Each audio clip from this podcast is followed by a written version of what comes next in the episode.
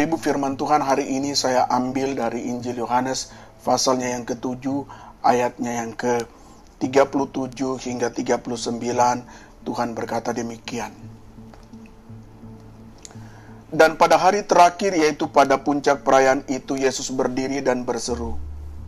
Barang siapa haus, baiklah ia datang kepadaku dan minum. Barang siapa percaya kepadaku seperti yang dikatakan oleh kitab suci. Dari dalam hatinya akan mengalir aliran-aliran air hidup. Yang dimaksudkannya ialah roh yang akan diterima oleh mereka yang percaya kepadanya. Sebab roh itu belum datang karena Yesus belum dimuliakan. Bapak Ibu, saudara-saudara, di ayatnya yang pertama di sana ayat 37 maksud saya di sana dikatakan dan pada hari terakhir yaitu pada puncak perayaan itu. Nah, puncak perayaan itu puncak perayaan apa? Kalau Bapak Ibu perhatikan dengan saya di ayat 2 dari pasal 7, di sana dikatakan Ketika itu sudah dekat hari raya orang Yahudi yaitu hari raya Pondok Daun. Jadi puncak perayaan itu adalah puncak perayaan Pondok Daun. Pondok Daun. Nah, Pondok Daun itu apa? Perayaan apa? Bapak Ibu Saudara-saudara, ini adalah perayaan bangsa Yahudi mengucap syukur kepada Tuhan atas panen. Mereka memiliki pertanian, perkebunan, hasil-hasil tanah tanah yang diberkati oleh Tuhan, maka mereka merayakan ucapan syukur kepada Tuhan di bulan September dan Oktober antara bulan September Oktober. Mereka akan merayakannya selama tujuh hari, berkumpul semua di Yerusalem. Pada waktu mereka datang di Yerusalem, mereka berkumpul di sana, mereka akan bangun pondok-pondok pondok-pondok dari dinding-dindingnya dengan dedaunan dan juga atapnya dipakai dengan dedaunan. Di pondok itu mereka akan tinggal selama tujuh hari. Mereka makan bersama dengan anggota keluarganya dan di sanalah mereka merayakan syukur mereka kepada Tuhan. Lalu kenapa mereka pakai pondok? Pondok mengingatkan kepada mereka masa pengembaraan mereka selama di padang gurun atau padang belantara di mana Tuhan memimpin mereka keluar dari Mesir menuju tanah Kanaan. Maka selama di pondok itu mereka mengenang peristiwa itu bahwa leluhur mereka adalah orang-orang yang dipimpin oleh Tuhan. Selama dalam pengembaraan mereka tinggal di pondok-pondokan. Dan selama itu pula tangan kuasa Tuhan turun menyertai mereka, memberkati mereka sampai memasuki tanah Kanaan. Oleh karena itu, ketika orang Yahudi mendapatkan hasil dari panen mereka, dari kebun mereka, maka mereka datang merayakan di hari raya pondok daun. Selama berapa hari? Selama tujuh hari. Menarik Bapak Ibu, ini sama dengan ucapan syukur yang sering kita lakukan. Lalu ada satu peristiwa yang biasa mereka kerjakan di hari terakhir. Maka di kalimat ayat 37 ini sudah dicatat tuh. Pada hari terakhir yaitu pada puncak perayaan itu. Nah, ada satu festival yang biasa dilakukan di hari terakhir, yaitu festival mengambil air. Festival mengambil air ini adalah dilaksanakan oleh mereka mengambil air, lalu mereka akan menuangkan ke atas altar. Altar ini biasanya ada di halaman bait Allah. Waktu mereka tuangkan ke atas altar sebagai sebuah permohonan akan datangnya hujan. Jadi air yang mereka ambil, mereka tuangkan di atas altar sebagai satu permohonan akan datangnya hujan. Untuk apa? Untuk tanah mereka, untuk perkebunan mereka, untuk pertanian mereka. Karena itu, di hari terakhir mereka akan melakukan hal tersebut. Nah, perhatikan, di hari terakhir itulah Yesus berdiri dan berseru, "Barang siapa haus, baiklah ia datang kepadaku dan minum."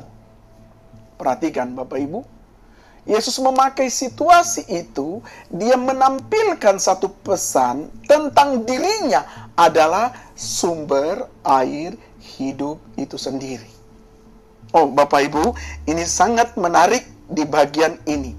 Memang kelihatannya uh, mereka yang mengambil air atau orang yang mendengar mungkin tidak sambung.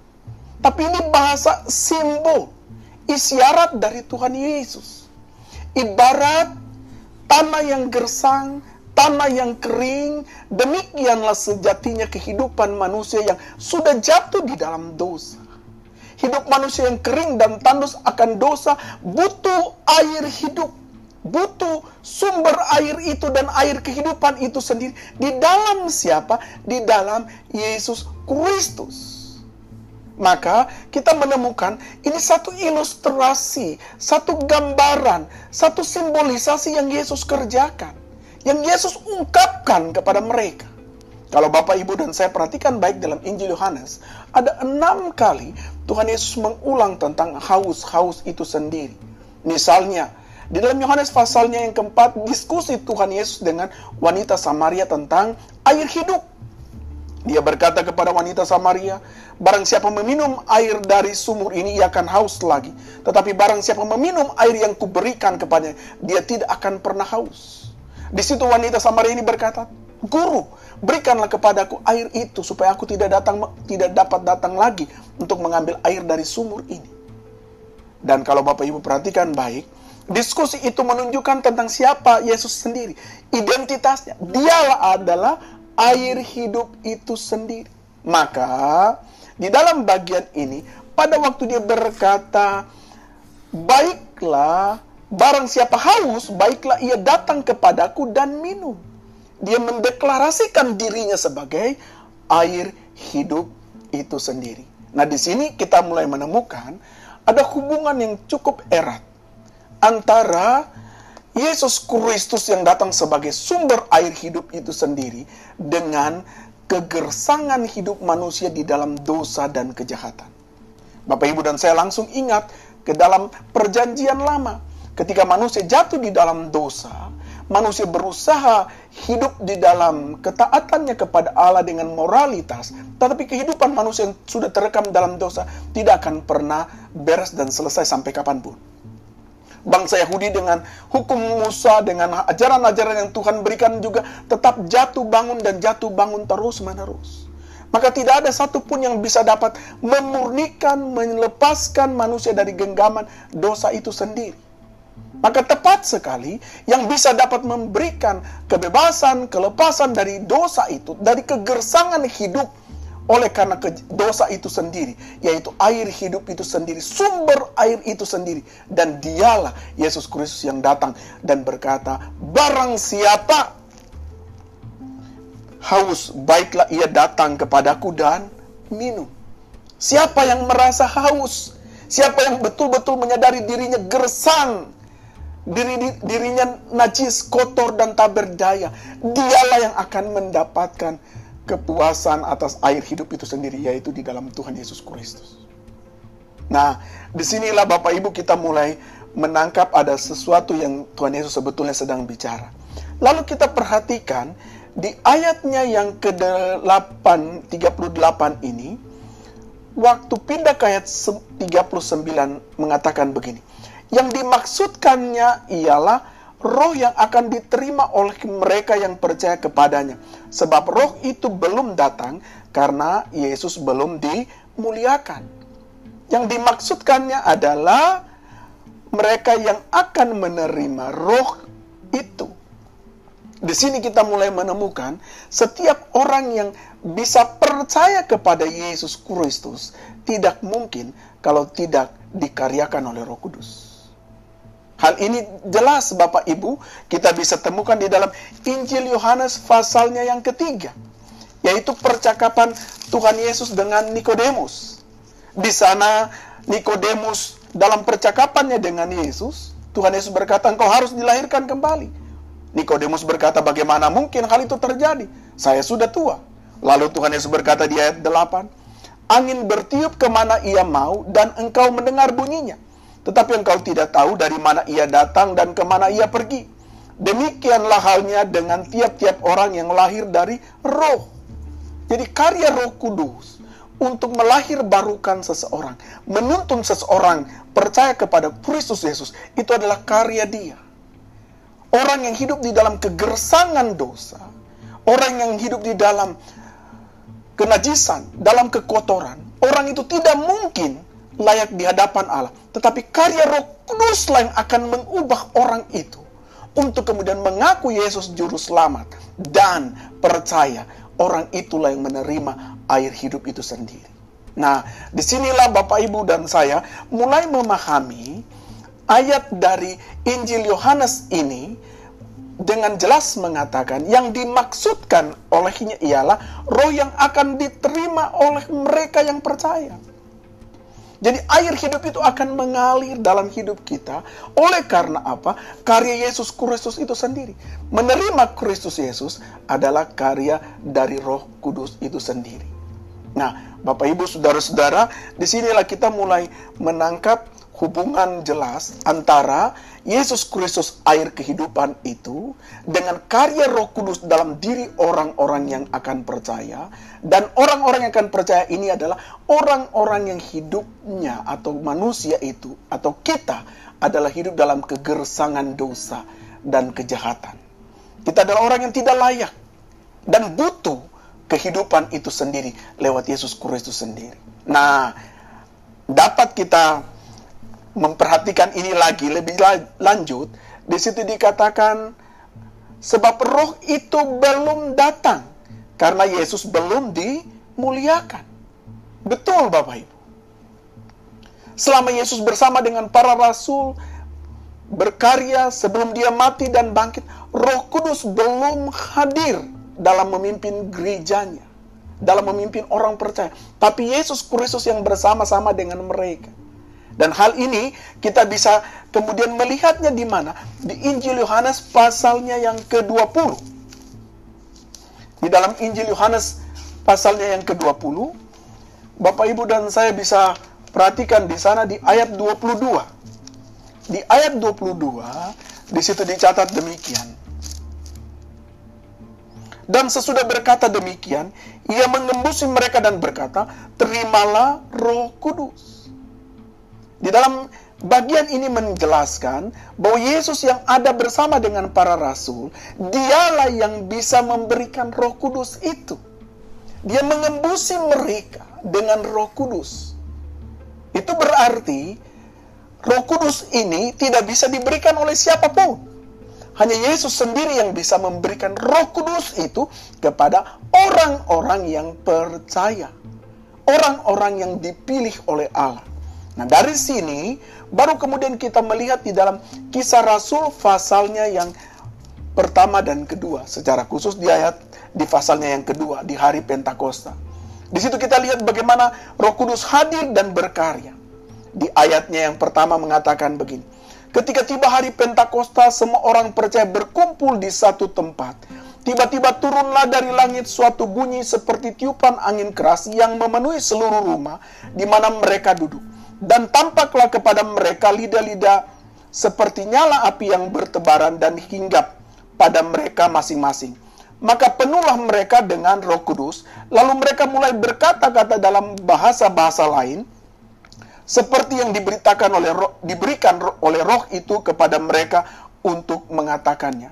Di pasal 2 kisah Rasul ini, Bapak Ibu dan saya menemukan ada hubungan dengan Injil Yohanes pasal 20 tadi. Apa yang Yesus katakan dia mengembusi mereka dengan roh kudus, tergenapi, terkonfirmasi di kisah Rasul pasalnya yang kedua. Jadi peran roh kudus itu begitu sentral dalam diri orang percaya. Sesudah Yesus naik ke sorga, dia mengutus penghibur yang lain roh kudus. Dialah yang memenuhi dan memimpin gerejanya. Dialah yang menyadarkan orang-orang yang kering dan tandus karena dosa dan kejahatan bahwa Yesus adalah Mesias. Nah, Bapak Ibu dan saya, kalau kita berkembang lagi memperhatikan dengan baik kisah para rasul ini, maka kita bisa menemukan misalnya peran dan karya Roh Kudus itu jelas di dalam kisah rasul, misalnya pasalnya yang kelima.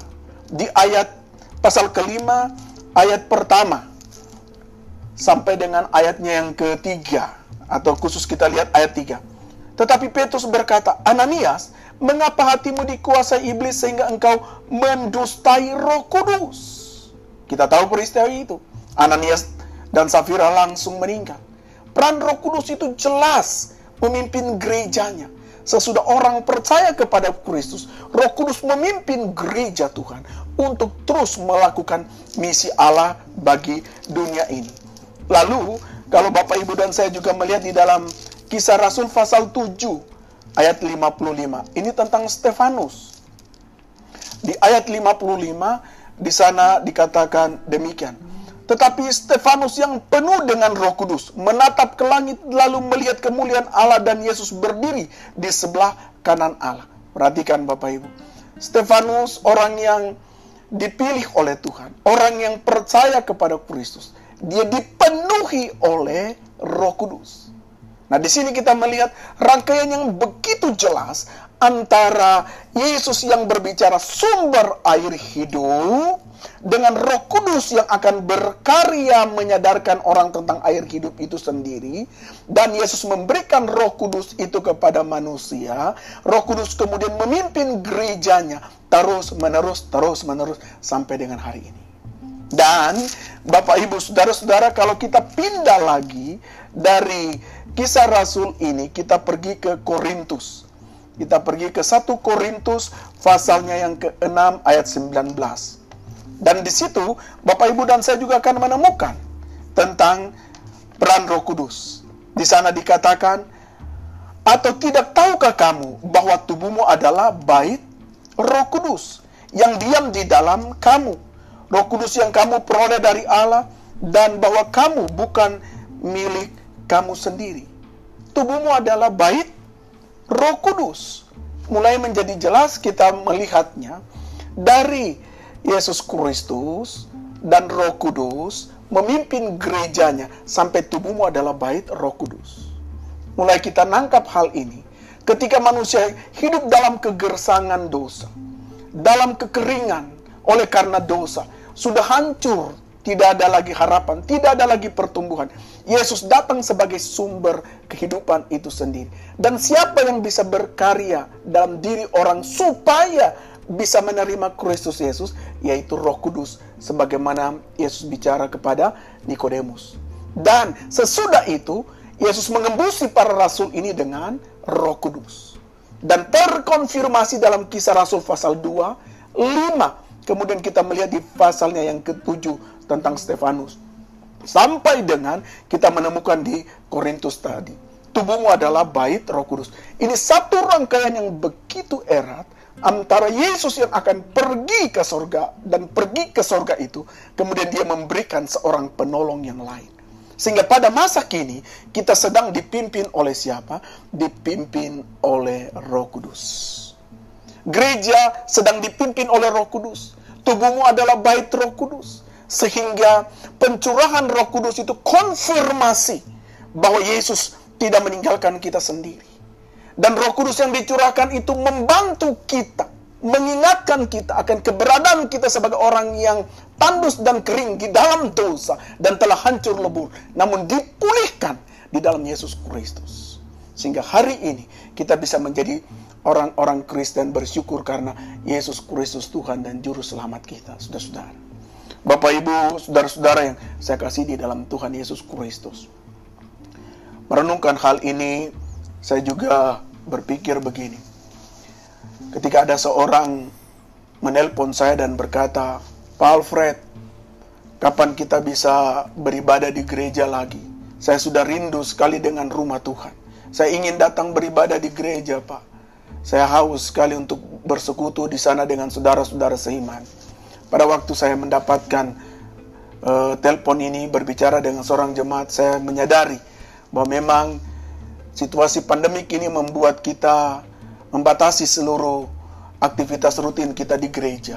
Dan itu memang pasti membuat kita merasa agak ada sesuatu yang kurang hilang dalam hidup kita.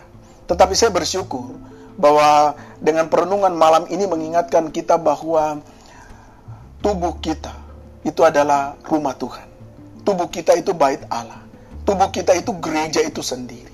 Itu sebabnya menurut saya, ini masa yang paling indah dan paling baik di hadapan Tuhan. Dia sedang memproses kita untuk kemudian menjadi orang-orang Kristen yang memahami dengan baik tentang tubuh kita bait Allah itu sendiri.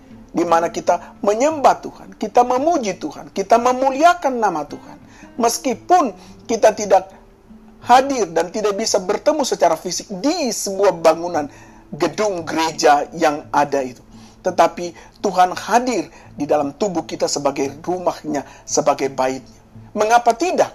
Dalam situasi pandemik ini juga kita tetap mau beribadah dan memuliakan nama Tuhan.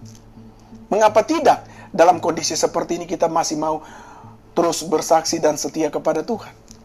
Ada seorang teman mengatakan kepada saya, seorang hamba Tuhan, Pak Alfred, tapi siapa yang bisa menyangka atau siapa yang bisa menebak dengan tepat orang-orang yang ikut ibadah atau jemaat-jemaat yang ikut ibadah di rumah-rumah berkonsentrasi baik atau tidak? Mungkin juga mereka tidak melakukannya. Saya mengatakan bisa jadi, tetapi ini adalah tantangan bagi kita. Ini adalah situasi yang menolong kita untuk menunjukkan kedewasaan kita, kematangan kita. Bahwa betul tidak, kita adalah tubuh Kristus. Rumah tubuh kita adalah bait Allah. Betul tidak, hidup saya ini sudah dikarya, sudah ber, sudah Roh Kudus sudah berkarya dalam hidup saya, membuat saya menjadi percaya dan Tuhan tinggal di dalam saya maka saya punya persekutuan, saya punya kedekatan dengan Tuhan. Meskipun saya ibadah secara online, meskipun jarak yang saya rasakan lewat media ini tidak bisa lihat secara fisikly sebagaimana sedia kala, tetapi saya akan dapat beribadah dengan serius. Saya akan memuji Tuhan. Saya akan menyembah Tuhan. Saya akan mengikuti dengan baik. Saya pun mempersiapkan diri saya akan terus mendengarkan firman itu. Sebab apa? Tubuh saya adalah bait roh kudus. Tuhan yang tinggal di dalam saya. Dan saya percaya dengan begini semua kita akan dapat melaksanakan ibadah-ibadah dengan baik dan kita akan terus memuliakan nama Tuhan. Kiranya Tuhan dimuliakan. Baik.